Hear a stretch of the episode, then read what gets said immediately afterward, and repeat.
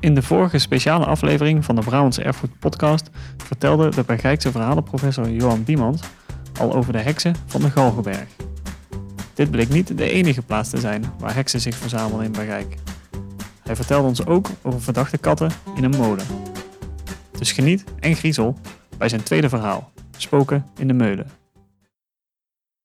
De meulen van Bergijk, die is oeroud.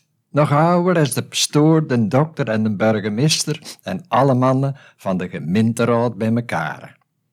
En je weet wel dat je meulen op het hartje van een grafheuvel uit een bronstijd steekt. Oh nee? Dat weten jullie wellicht ook niet, dat gruwelijk en afschuwelijk gespookt he in deze oude meulen. Luistert maar eens. Lang geleden weer Doriske de muilder van ons dorp geregeld geplagen door een legertje heel kooi heksen. Vooral s'nachts. Want net een oogst hadden de boeren veel grond te dorsen en kwam de muilder overdag nooit niet klaar met malen. Dat was zeker het geval in het jaar Stillikes. Dat jaar weer zo genoemd, omdat vanaf de oks toe aan de herfst geen zuchtje wijnd gewaaid hij. En als de wind stil is, ja, dan kan de wieken van een wijnmeulen immers niet draaien. Dat begrijpt je. Er dat de wind door heksen behekst was. Het leek erop of het zo een verschrikkelijk rampjaar worden voor Brigijk. Waar moesten de mensen brood van bakken als er geen meel was? Maar eindelijk, toen de herfst zijn intree deed, won de wind onkraagt. Maar bedomme, nooit niet overdag, maar altijd tegen de avond en vooral s'nachts. Je begrijpt al dat de mulders doen de veul over je moest maken. En dan gebeurde het dat de heksen kwamen om die brave mulder schrik aan zijn broek te jagen. Vermomd als zwarte katten, met gloeiende ogen van groen vuur, bedreigden ze hem dat zo wat deed. Het leek wel of dat ze hem alle ogenblikken woon bespringen en verscheuren. Op zekere dag vertelde hij dat verhaal aan Jan den Hegmelder, die toevallig eens even neffen kwam. De Hegmelder, dat is een melder die uh, zelf geen meulen heeft, maar andere melders scheer waar een eindje helpt, ja, om op zo'n manier ook aan zijn kans te komen. Jan de Echtmelder die laagde zijn eigen slap en stelde voor dat hij dan wel de volgende nacht in de plak van de melder in die meulen zou gaan malen. Zo gezegd, zo gedaan. Doriske de melder die ging om tien uur in zijn bed en tegen middernacht beklom Jan de trap van die oude meulen. Het verzorg nam hij twee karsen mee, een gewijde en een ongewijde kars. En ook nog een vuurketel met wat gloeiende houtskolen, ja, want in de herfst zijn de nachten meestal kou. Al rap kwam de meulen in beweging en je meulensteen die knarste dat een lieve lust was. Jan die floot er bij een vrolijk deuntje en hij zo het gevoel dat hij dan niet zo alleen was. En wezenlijk, hij was ook niet zo alleen. Want er sprong al een zwarte kat van achter en van die balken vandaan. En nog een en nog een.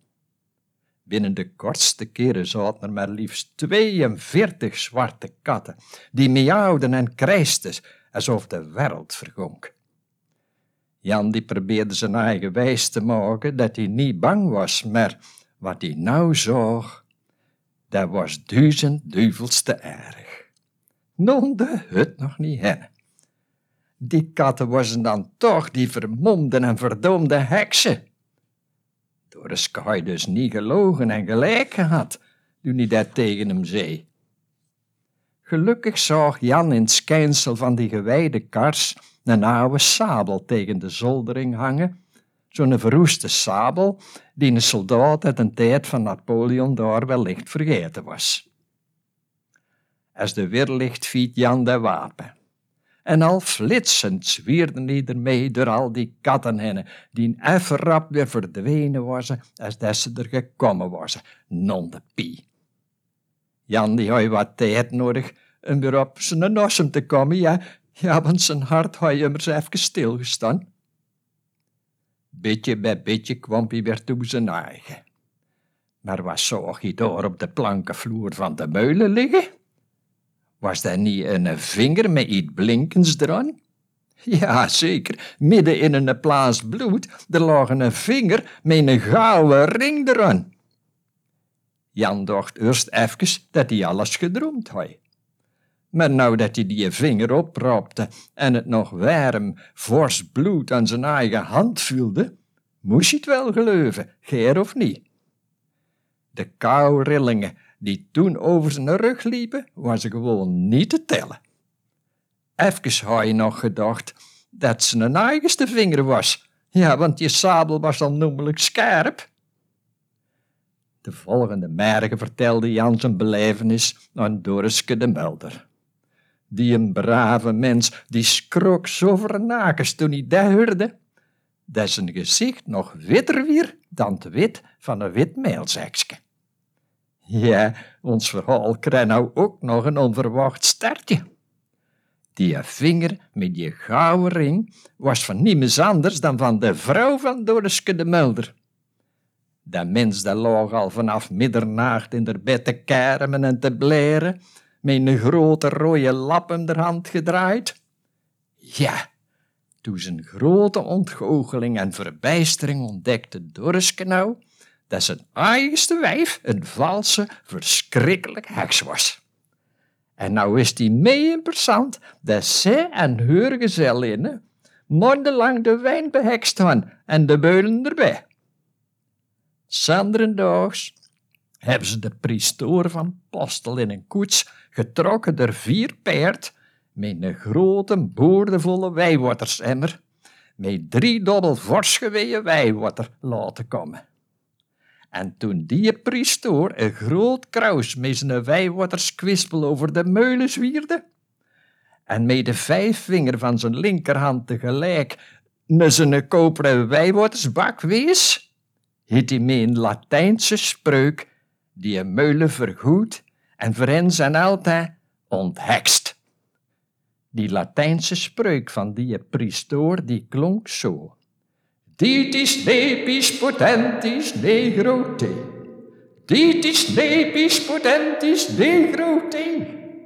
Ditis nepis potentis negro te. Wacht, voor de mensen die geen Latijn kennen, zal ik die spreuk voor het gemak en begrip maar even op zijn campus vertalen. Maar houd wagen dan even ergens stevig aan vast. Dit is een pispot en het is een grote. Amen.